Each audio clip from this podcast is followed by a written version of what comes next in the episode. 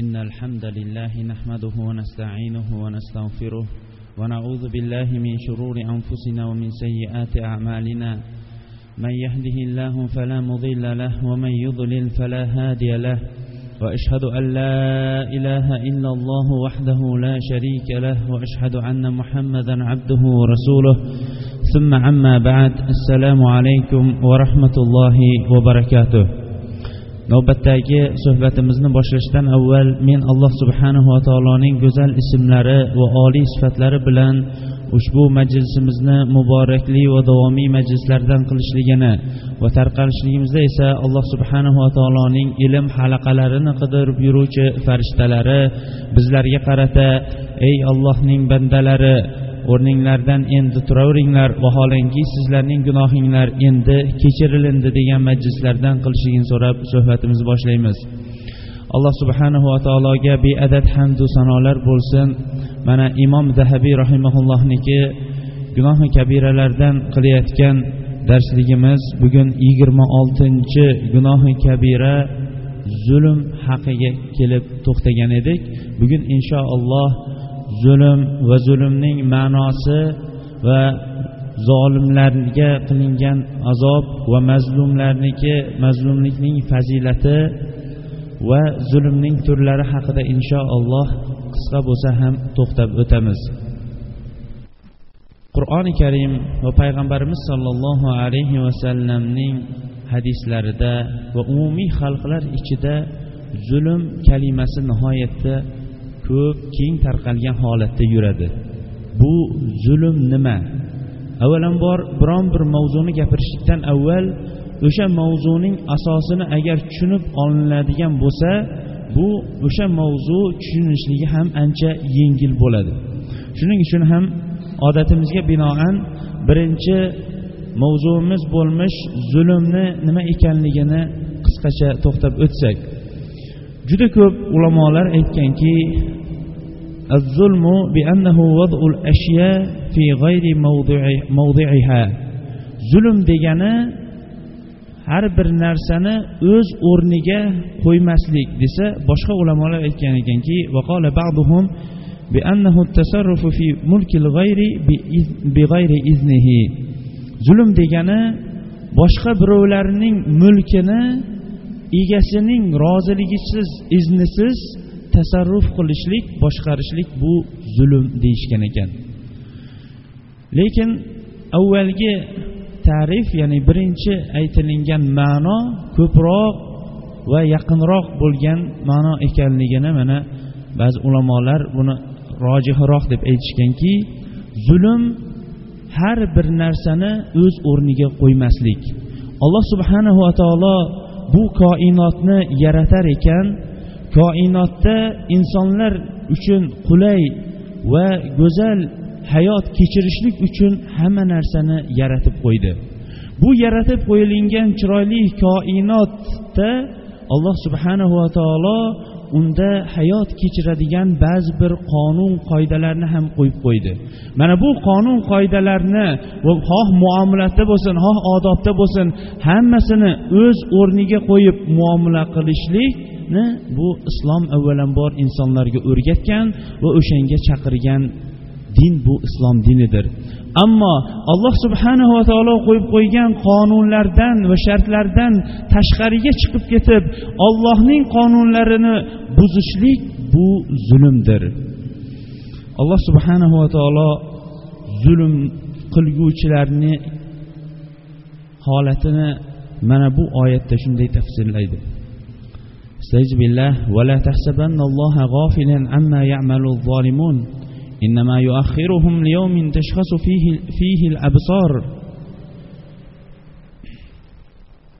zolimlar qilayotgan amallardan alloh subhanahu va taoloni g'ofil deb bilmang albatta alloh subhanahu va taolo ularning jazosini hisob kitobini buning endi jazosi nima bo'lar ekan o'zimning holatim nima bo'lar ekan deb ko'zlar hukm chiqadigan joyga qarab qoladigan kunga kechiktirib qo'yadi deydi.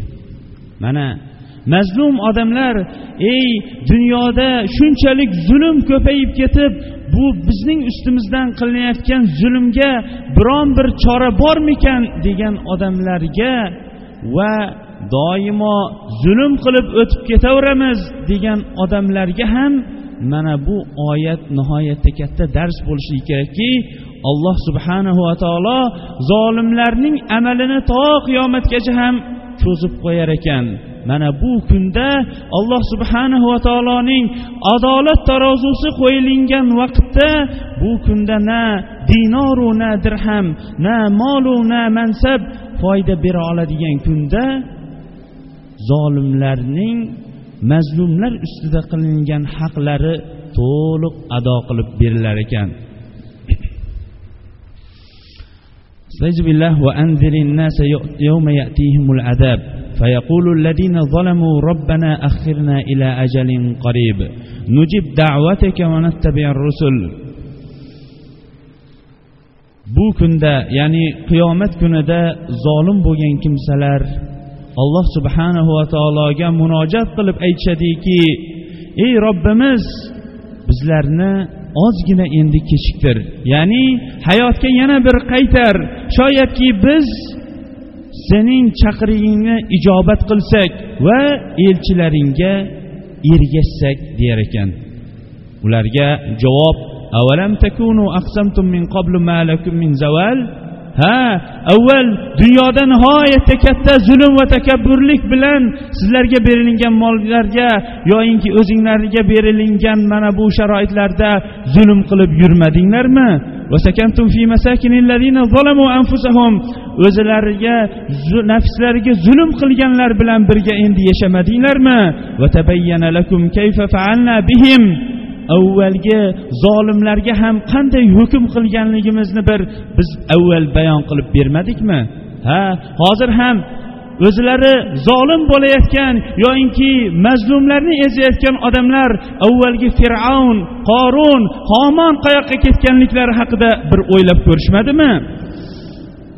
وتبين له لكم كيف فعلنا بهم وضربنا لكم الأمثال alloh subhanahu va taolo zolimlarni qanday qilib takabburlik bilan mazlumlarni ezayotgan o'sha zolimlarni o'zi takabburlik bilan yurgan yer ostiga cho'ktirib yerga yuttirib yuborganliklarini alloh subhanahu va taolo nihoyatda ko'p o'rinlarda bayon qilib bergan edi.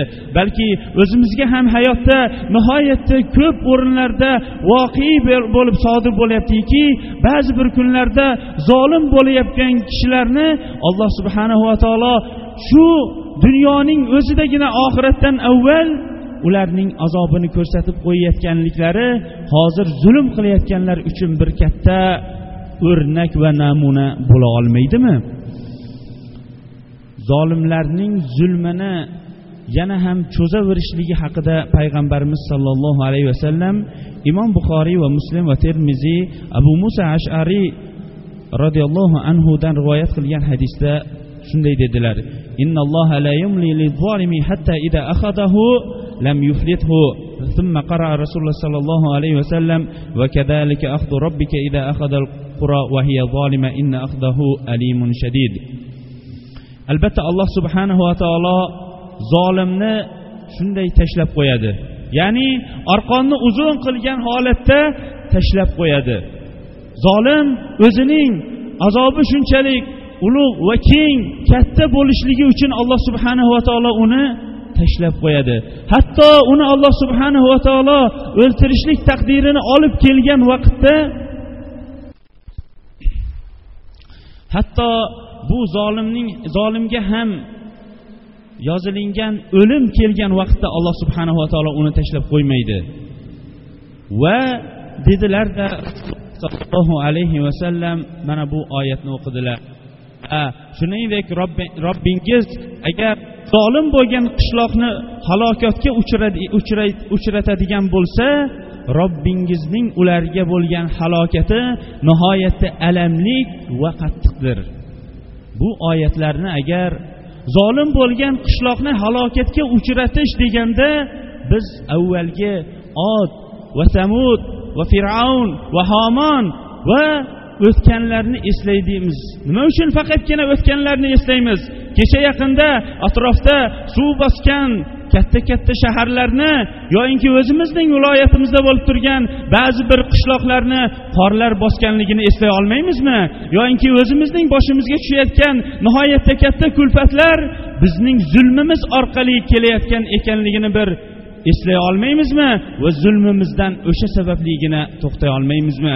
Bilaylikki albatta biron bir hayotimizda zulm birontasiga zulm qilar ekanmiz. Alloh subhanava taolo mana bunday alamli va qattiq azoblar bilan azoblaguvchidir rasululloh sollallohu alayhi vasallam imom buxoriy va termiziy abu hurayra roziyallohu anhudan rivoyat qilgan hadisda shunday dedilar man kanat indahu mazlamatun li akhihi min ardin aw shay'un falyatahallalhu قبل اليوم من قبل أي ألا يكون دينار ولا درهم إن كان له عمل صالح أخذ, أخذ, أخذ منه بقدر مظلمته فإن لم يكن له حسنات أخذ من سيئات صاحبه ya'ni payg'ambarimiz sollallohu alayhi vasallam zolimlarning holatini mana bu qiyomatdagi holatini bu hadisda ifodalab shunday dedilar kimning o'zining biron bir birodariga biron bir zulmi bo'ladigan bo'lsa zulmi faqatgina biz molu davlatdagina tushunamiz yo'q nomusida palonchi palondaqa deyishlik ham bu o'zining birodariga qilayotgan nomusidagi zulmi xoh nomusida bo'lsin xoh biron bir narsasida bo'lsin u zulm qilgan bo'lsa dinoru dirhamlar foyda bermaydigan kundan avval buni rozi qilib olsin dedi.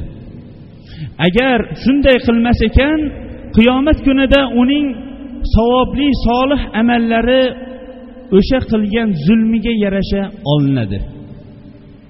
Bu kimlargidan olinadi? Besh vaqt namoz o'qigan odamlardan olinadi.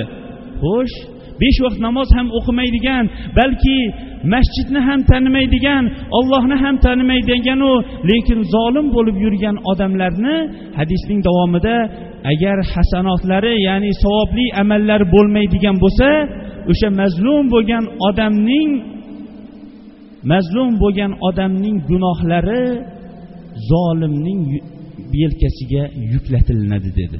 Demak har ikkovi holatda ham zolim albatta o'ziniki azobini olajakdir payg'ambarimiz sollallohu alayhi vasallamdan imom muslim va termiziy rivoyat qilgan bu abu hurayra roziyallohu anhudan rivoyat qilgan hadisi qudusiyda payg'ambarimiz sollallohu alayhi vasallam shunday dedilar. Alloh subhanahu va taolo aytadiki ya ibadi inni harramtu zulma ala nafsi va ja'altuhu baynakum muharraman fala tazalamu. Ey bandalarim men zulmni o'zimga harom qildim va sizlarning oranglarda ham zulmni harom qildim. Endi sizlar bir biringizga zulm qilmanglar. Alloh subhanava taolo rohmanur rohim bo'lgan zotdir. Rahmlilarning rahmlisidirki o'zining nafsiga zulm qilishlikni ham harom qilgan. Ulamolar aytganki agar alloh subhanava taolo osmonu yer va undagi narsalarni yaratib turib ana undan keyin zulm qilganida ham ana undan keyin zulm qilganida ham bu zulm zulm deyilmas edi. Lekin alloh subhanahu va taolo biron bir narsaga xuddi mana bu oyatlarda ana lil abid men bandalarga zolim emasman. Boshqa oyatda esa alloh subhanahu va taolo biron bir misqola zarrachalik ham zulm qilmaydi. Insonlarga alloh subhanahu va taolo biron bir narsada zulm qilmaydi. Bu esa alloh subhanahu va taoloniki nihoyatda rahmat sifatida keng ekanligidadir. Ming afsuslar bo'lsinki o'ziga zulmni harom qilganligini bayon qilib va bandalariga ham o'zaro bir birlariga zulm qilishlikni harom qilinganidan keyin ham insonlar o'zlariga o'zlari zulm qilishlikni yoinki o'zlari boshqalarga zulm qilishlikni kasb qilib olganliklari ham insonni ko'p achintiradigan amallardan bittasidir. Biz ham mana shu o'rinda turib ayta olamizki ey ollohni faqatgina juma kunida taniy olayotgan odamlar o'zinglarga o'zinglar zulm qilmanglar. Chunki alloh subhanava taolo zulmni harom qilgan. Ey faqatgina bomdod namozigina o'qib qo'yayotgan odamlar sizlar o'zinglarga o'zinglar zulm qilmanglar. Alloh subhanava taolo o'ziga ham va bandalariga ham zulm qilishlikni harom qilgan. Ey ramazondagina masjidni yoyinki ollohni olloh deb taniyotganlar o'zinglarga o'zinglar zulm qilmanglar. Alloh subhanava taolo zulmni o'ziga ham va bandalari orasida ham zulm qilishlikni harom qilgan. Ey jamiki xoh bandalari bo'lsin xoh maxluqotlari bo'lsin va o'zining nafsi ustida zulm qilayotgan odamlar. Bu zulmning oqibati nihoyatda alloh subhanava taolo modomiki harom qilgan ekan. Oqibati mana bunday yomonlik bilan tugatilinadi. O'zinglarga o'zinglar zulm qilmanglar. Alloh subhanava taolo zulmni harom qilgan deb xitob qilsak arziguli va nihoyatda kam bo'lgan kalima. Chunki alloh subhanava taolo harom qilgan amal albatta chorasiz va azobsiz qolmajakdir rasululloh sollallohu alayhi vasallamdan yana imom buxoriy va termiziy abu hurayra roziyallohu anhudan rivoyat qilgan hadisda payg'ambarimiz sollallohu alayhi vasallam sahobalarga qarab turib atadruna manil muflis? قالوا يا رسول الله المفلس فينا من لا درهم له ولا متاع. فقال إن المفلس من عمتي من يأتي يوم القيامة بصلاة وزكاة وصيام وحج فيأتي وقد, وقد شتم هذا وأخذ مال هذا ونبش عن أرض هذا وضرب هذا وسفك دم هذا. فيؤخذ لهذا من حسناته وهذا من حسناته فإن فنيت حسناته قبل أن يقضى ما عليه أخذ من خطاياهم فطرح عليه ثم طرح في النار dedilar bu nihoyatda hammamizga ham og'ir bo'lgan hadisdir og'ir qachon og'ir eshitib masjidda ha shunaqa ekanda deb chayqalib chiqib ketavergan odamlarga amal qilmay bu og'ir emas. Lekin qachon buni olloh subhanahu va taolodan payg'ambarimiz alayhissalom xabar beryapti va bu haqdir bunga amal qilmaydigan bo'lsak aniq biz o'shanga duchor bo'lamiz degan odamlar uchun og'irdir. Payg'ambarimiz sollallohu alayhi vasallam aytdilarki sizlarda muflis degan nima degani dedi. Muflis degani bu bir chaqalik odam.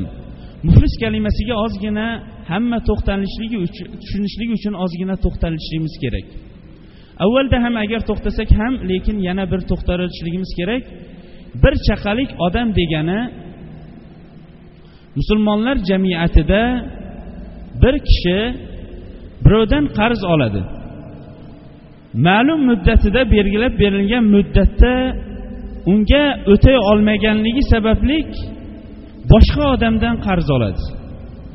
Ya'ni ikkinchisiga ham o'tab bera olmaganligidan sababli uchinchisidan uchinchisini ham vaqtini kechiktirib to'rtinchisida qo'yingki jamiyatda bu odam unisidan qarz olib bunisiga bunisidan olib bunisiga va qarzini to'layotganda ham vaqtida ham emas va kamroq qilib cho'zib to'lab yurganligi uchun atrofda bu kishining ancha muncha gapi chiqib qoladi. Xuddi hozir ming afsuslar bo'lsinki bizni jamiyatda ham bunday odamlar ko'payib qolib har bir qishloqlarda har xil lafz va iboralar bilan ishlatayotganga o'xshash. Quloq kesdi deydimi yoki boshqa boshqa iboralarga o'xshash bu odamning ham shunday o'zining laqabi chiqib qoladi. Keyin bu kishiga shikoyat qilib qoziga ko'p boraverganidan keyin qozi ham buning ustidan hukm chiqaradi. Insonlar falonchi bilan insonlar endi falonchi bilan muomala qilmasin. Kim muomala qilib keyin qarzini yoki o'rtada bo'lgan muomalasini ololmaydigan bo'lsa bu hukm chiqqandan keyin bizga endi o'zining arzini ko'tarib kelmasin degan hukmni chiqaradi. Bu hukm chiqqandan keyin biron bir kishi bu kishi haqida arz yozolmay qoladi chunki ustidan hukm chiqarilgan.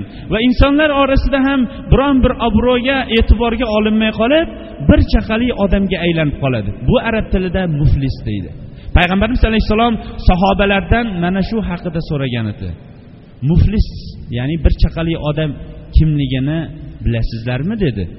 Sahobalar dunyodagi bir chaqali odamni ko'rganligi uchun ha bale ya rasululloh bir chaqali odam bizda dinori ham dirhami va matosi bo'lmagan odam ya'ni hech narsasi yo'q odam bir chaqali odam deyiladi dedi. Payg'ambarimiz sollallohu alayhi vasallam ammo ummatimdagi bir chaqali odam dedi. Ummatimdagi bir chaqali odam qiyomat kunida namozi zakoti ro'zasi va haji bilan keladi. Hamma amallari bilan birga keladi. Qarang namozi juma kunidagina o'qib qo'yib peshvo qilib turgan namoz emas. Besh vaqt namozi ro'zasi zakoti ham bor ekan haj ham qilgan ekan.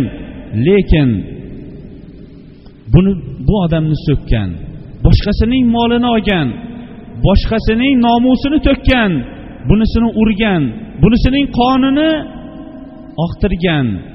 Ana endi o'sha zulm qilgan o'sha odamlarning hammasi bundan o'zining haqini olishlik uchun haqini talab qilib kelishadi. O'sha vaqtda buning savob ajr va savoblardan asta sekinlik bilan olinaveradi olinaveradi.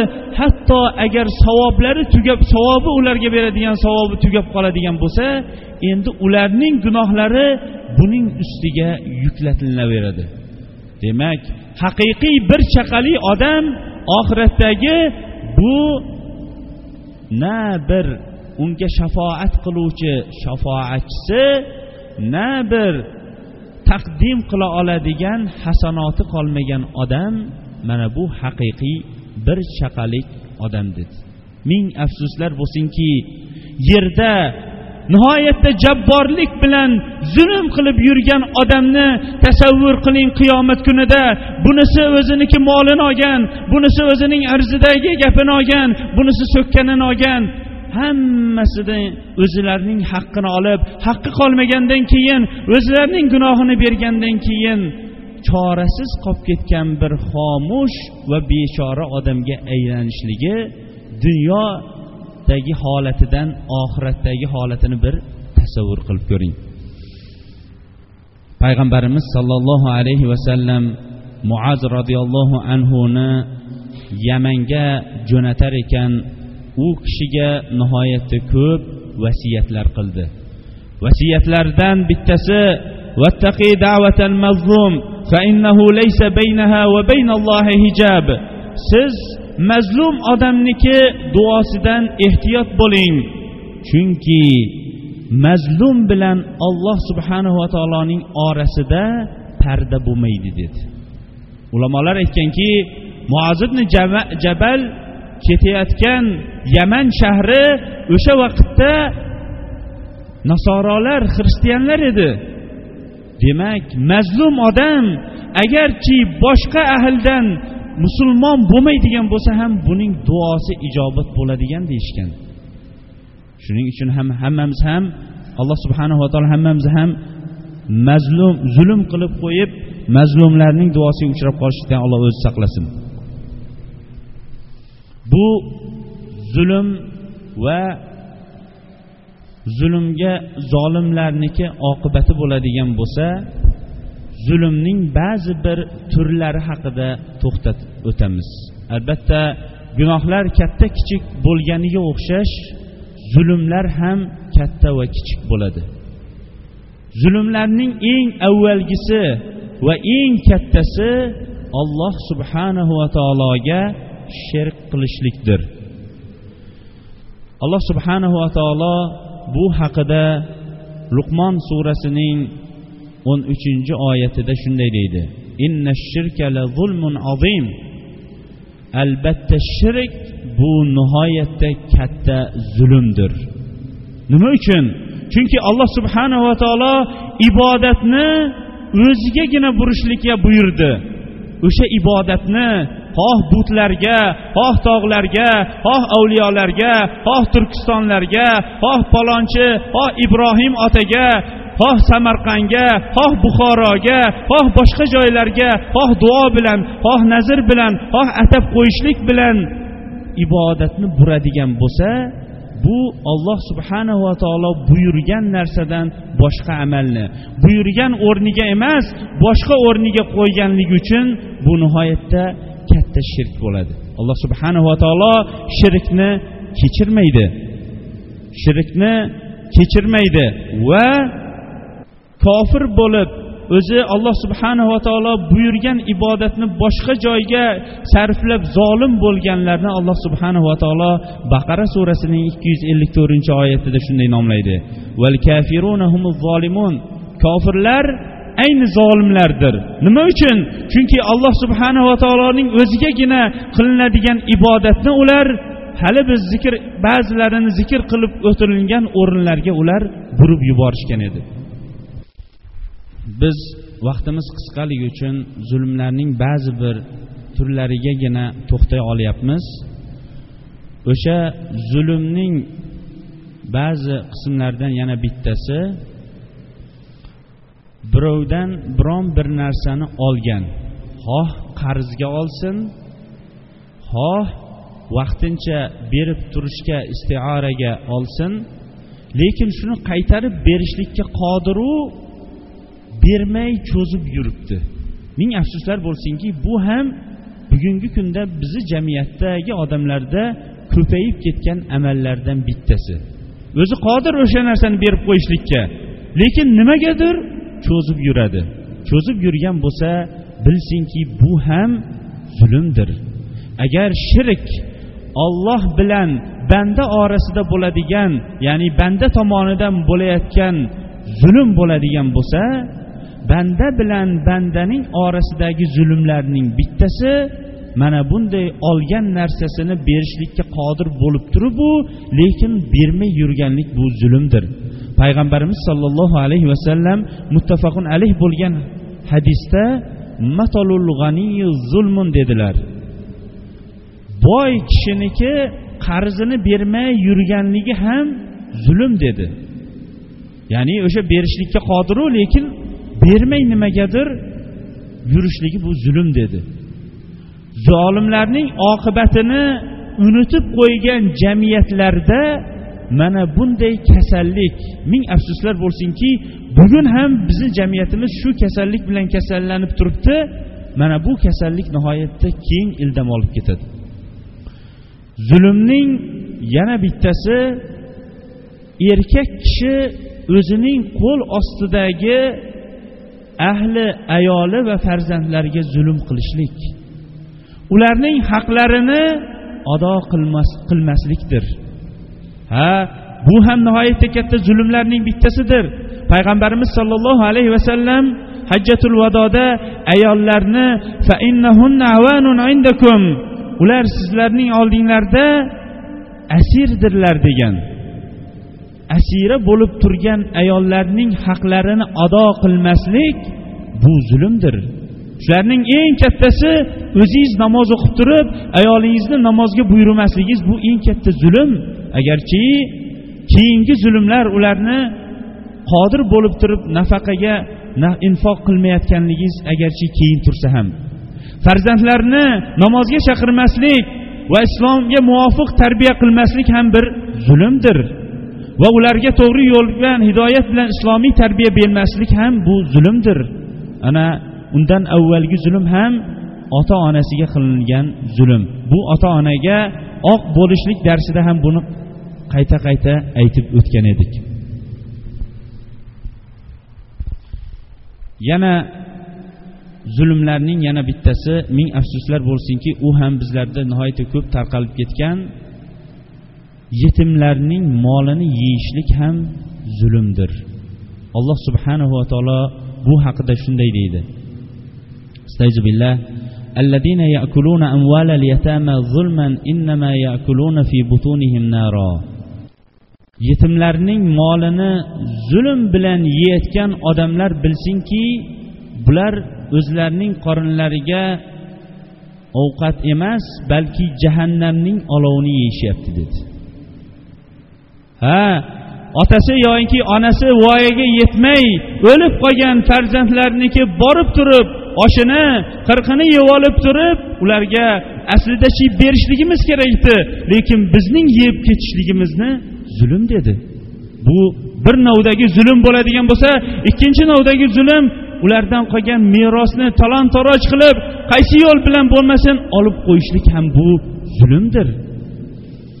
mazlumlarning fazilati haqida rasululloh sollallohu alayhi vasallam imom ahmad abu hurayra roziyallohu anhudan rivoyat qilgan termiziy esa hasan degan bu hadisida shunday degan ekanlar إن دعاء المظلوم يرفع فوق الغمام ويقول الرب تبارك وتعالى وعزتي وجلالي لأنصرنك ولو بعد حين mazlumlarning duosi bulutlarning tepasiga qarab ko'tariladi ya'ni osmonga qarab ko'tariladi.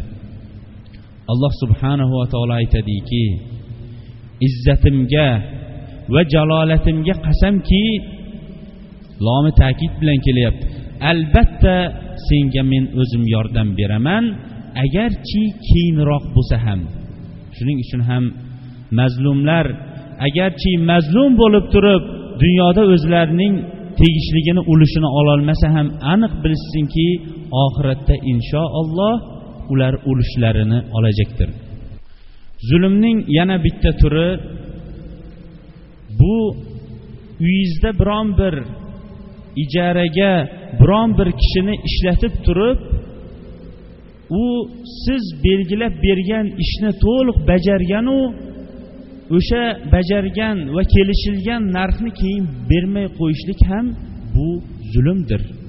Xoh bu atrofdan kelgan ishchilar bo'lsin xoh o'zimizdan bo'lgan ishchilar bo'lsin ularni bir narxga kelishib kesib turib ana undan keyin qiydan qilidan qiyiq qidirib deydimi mana shunday qilib turib ularning haqlarini bermay ketishlik ham bu ham bandalar orasidagi zulmlardan va ming afsuslar bo'lsinki keyingi vaqtda bizning jamiyatda ham ko'payib ketgan zulmlarning bittasidir payg'ambarimiz sollallohu alayhi vasallam hadisi qudusiyda imom buxoriydan e, rivoyat qilgan hadis qudusiyda shunday dedilar salasatun قال يقول الله تعالى ثلاثة أنا خصمهم يوم القيامة ومن كنت خصمه خصمته الله سبحانه وتعالى aytadiki uch toifa kishini men o'zim husumatlashib haqqini olib beraman. Kim agar menga husumatlashadigan bo'lsa men uni o'zi husumatini yengib o'zim uni hukmini chiqarib beraman. Ana o'shalardan bittasi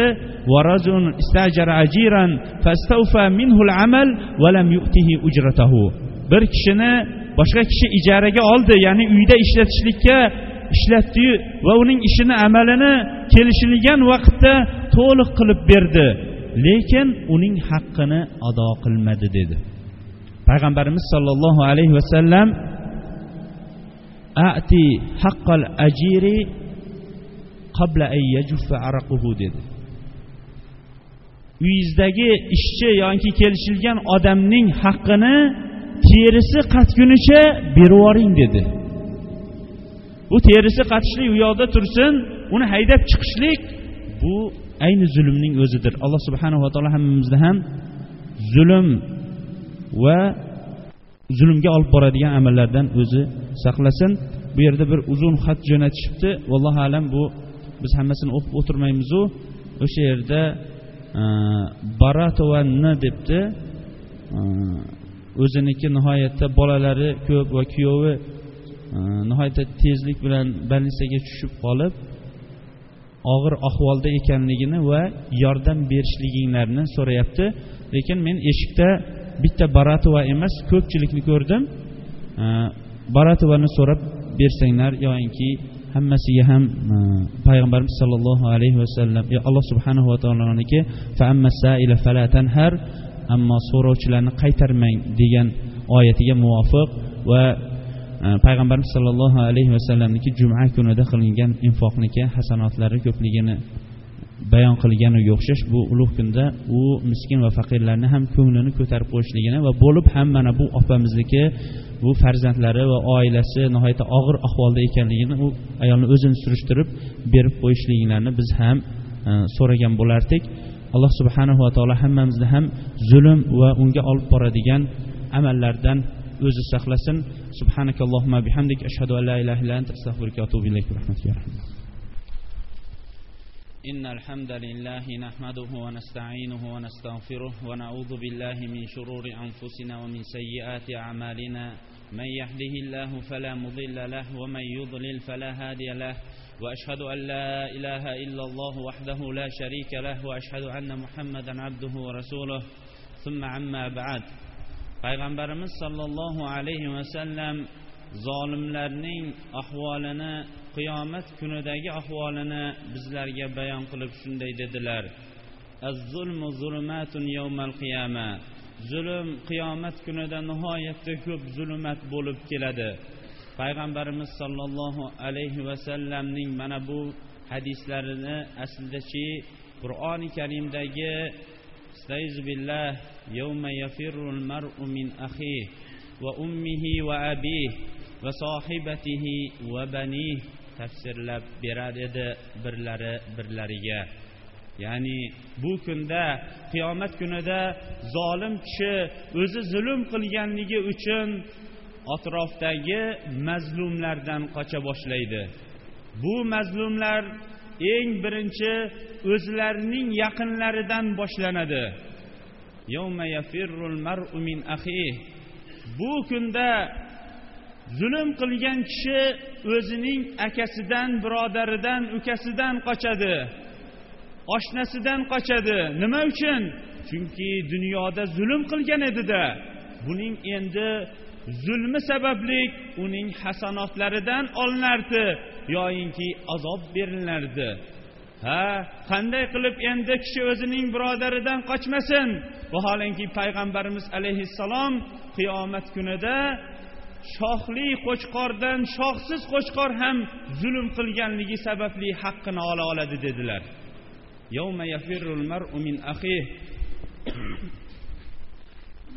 Va ummihi va abih ana undan keyin o'zining onasidan va otasidan qochadi. Vo ajabo inson o'zining onasidan va otasidan ham qochar ekanmi? Ha qochar ekan. Qachonki ularning haqlarini ado qila olmaydigan bo'lsa qochar ekan. Ming afsuslar bo'lsinki zulm nima ekanligini bilmayotgan ba'zi farzandlar dunyoning o'zida ham o'zlarining ota onalaridan qochib ketyapti. Qur'oni karimda va ummihi va abih onasidan va otasidan deb onani taqdim qildi. Nima uchun? Chunki onaning farzandlar ustidagi haqqi otanikidan uch barobar ko'proqdir. Va ummihi va abih va sohibatihi va banih ha endi qochib qayoqqa borardi? Dunyodagi qochayotgan odamlar o'zlarining ahlu ayollarga bola chaqalari atrofiga kelayotgan bo'lsa bu kunda ularning atrofiga ham kela olmaydi. Qochib ayolining oldiga ham kela olmaydi. Farzandining panohiga ham kira olmaydi. Balki ulardan ham qochadi. Vo ajab! O'zining ayolidan ham farzandlaridan ham qochadimi? Ha qochadi. Nima uchun? Chunki ularning haqlarini ado qilmay haqlarini ado qilishlik u yoqda tursin ularga zulm qilganligi uchun bu kunda qochadi. Payg'ambarimiz sollallohu alayhi vasallam shuning uchun ham zulm qiyomat kunida zulmat bo'lib keladi dedi. Tasavvur qilib ko'ring. Bir kishi biron bir ishni qilib yurib insonlar orasida ko'p muomalalar qilib yurdi. Palonchi boyvachcha degan nomni yoki nihoyatda palonchi palonday degan nomni olib juda ko'pchilik bilan muomala qilib yurdi. Ko'pchilikning muomalasi bu kishiga o'tib ketdi. Alloh o'zi saqlasin bu kishining gunohlari va zulmlari sababli alloh subhanava taolo buning ishlarini inqirozga uchratib rus tilidagi bankrot degan narsaga olib kelib qo'yganda kishi hamma narsasidan qochgan kishini bir o'zingiz tasavvuringizga keltirib ko'ring. Qochib ketishligi mumkin bu kishi atroflarga. Lekin u yoqda atrofga qachay desa qiyomat kunida qayoqqa qocha olardi? O'ng tomoniga qarasa ham o'zining amallari chap tomonga qarasa ham o'zining amallari orqaga qarasa jahannam olovi oldinga qarasa hisob kitob. Alloh subhanahu va taolo bu kunga hozirlik ko'rishligimiz uchun bitta oyat bilan bizlarni bo'lib ham ko'p ulamolar aytganki mufassirlar bu oxirgi oyat degan واتقوا يوما ترجعون فيه إلى الله ثم توفى كل نفس ما كسبت وهم لا يظلمون واتقوا يوما ترجعون فيه إلى الله bu kunda ya'ni qiyomatda ollohgagina qaytadigan kuninglardan qo'rqinglar. Oxiratda har bir narsa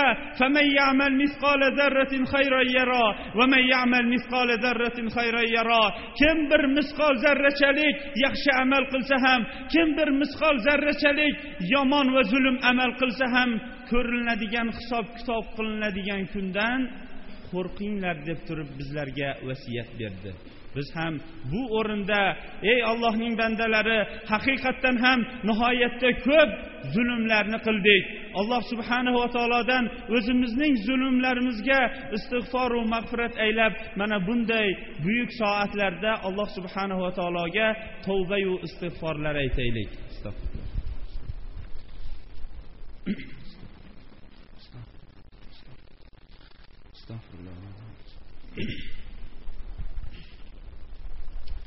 الحمد لله والصلاة والسلام على رسول الله وعلى آله وصحبه أجمعين zulmning turlari ko'pu lekin biz ba'zilarinigina zikr qila oldik xolos lekin yana bir ko'p bizning yurtlarimizda diyorlarimizda ko'payib ketgan zulmlarning bittasi qo'ni qo'shni yer talashishligidir payg'ambarimiz sollallohu alayhi vasallam man akhada shibra ardin bizulmin tuviqa yawmal qiyamati bi sab'i aradin dedilar. Kim bir qarich yerni zulm bilan oladigan bo'lsa qiyomat kunida bu kishining bo'yniga yetti qavat yer osilib qo'yiladi dedi. Birodarlar bu metrlab yer emas bir qarich yer deyapti. Qo'shningiz bilan orangizda turgan ariqni tozalash bahonasi bilan qo'shningiz tomonini tozalayverishlik ham o'zingiz yeringizga ancha yerni kirgizib qo'yadi. Qo'shningiz tomondan olayotgan bir ketmon loy ham o'zingiz tomonga qaratib bu ham ancha yerni ancha qarichlarni o'zingiz yeringizga kirgizib qo'yadi. Bu yerlarni xuddi fir'avn o'zi aytganiday yer va bu oqib turgan yerlar mening mulkim emasmi degan fir'avn bugun qayerda? Uning xazinasining kalitlarini ko'tarishga qiynalgan tuyalarning egasi bo'lmish horun qayoqda? Payg'ambarimiz sollallohu alayhi vasallamning boshiga yuzta tuyani tikkan vaholanki o'sha vaqtda o'zi eng boy bo'lgan makkaning boyi bo'lmish vaholanki o'zini yetmishtagina tuyasi bo'lsa ham yuzta tuyani tikkan abu jahl qayoqda katta katta yerlarni olgan odamlar qayoqda yerga fasodni tarqatgan ba'zi odamlarni hatto yer qabul qilmagani ham bizlarga alloh subhanava taolo oyatu mo'jiza qilib ko'rsatib bermadimi? Alloh subhanahu va taolodan mana shu soatda mana shu o'rinda jamiki qilgan zulmlarimizga alloh subhanahu va taolo tavba qilishlikka muyassar qilishligini so'raymiz. Alloh subhanahu va taolo bilib bilmay qilgan zulmlarimizni alloh o'zi kechirsin va zulmdagi bo'ladigan tavbaning shartlaridan bittasi shuki agar egasi hayot bo'ladigan bo'lsa uni darrov qaytarib berishlikdir. Egasi hayot bo'lmaydigan bo'lsa merosxo'rlarga berishlikdir. Merosxo'rlarini topmaydigan bo'lsak olloh yo'lida o'sha egasining nomidan sadaqa va ehson qilib yuborishlikdir. Alloh subhanava taolo hammamizni ham bu amaldan tavba qilishlikka muyassar qilsin. Payg'ambarimiz sollallohu alayhi vasallam o'ziga ko'p salotu salomlar aytishlikka buyurgan va bu kunda ham ko'proq salotu salomlar aytishga buyurgan. Ey birodarlarim bu kunda payg'ambarimiz sollallohu alayhi vasallamga ko'p salotu salomlar aytaylik. Allohumma solli ala muhammad va ala ali muhammad kama sallayta ala ibrohim va ala ali ibrohim innaka hamidum majid. Allohumma barik ala muhammad va ala ali muhammad kama barakta ala ibrohim va ala ali ibrohim innaka hamidum majid. اللهم تقبل منا إنك أنت السميع العليم وتب علينا إنك أنت التواب الرحيم. اللهم إنا نعوذ بك من الظلم. اللهم إنا نعوذ بك من الظلم وما تقرب إليها من قول أو أمل. اللهم إنا نعوذ بك من الظلم وما تقرب إليها من قول أو أمل. اللهم اعز الاسلام والمسلمين واذل الشرك والمشركين اللهم اعز الاسلام والمسلمين واذل الشرك والمشركين اللهم اعز الاسلام والمسلمين واذل الشرك والمشركين اللهم يا رب المستضعفين نجي المستضعفين في العالم ربنا لا تزغ قلوبنا بعد إذ هديتنا وهب لنا من لدنك رحمة إنك أنت الوهاب ربنا اغفر لنا ولإخواننا الذين سبقونا بالإيمان ولا تجعل في قلوبنا غلا للذين آمنوا ربنا إنك رؤوف رحيم صلى الله تعالى خير خلقه محمد وعلى آله وصحبه أجمعين برحمتك يا أرحم الراحمين.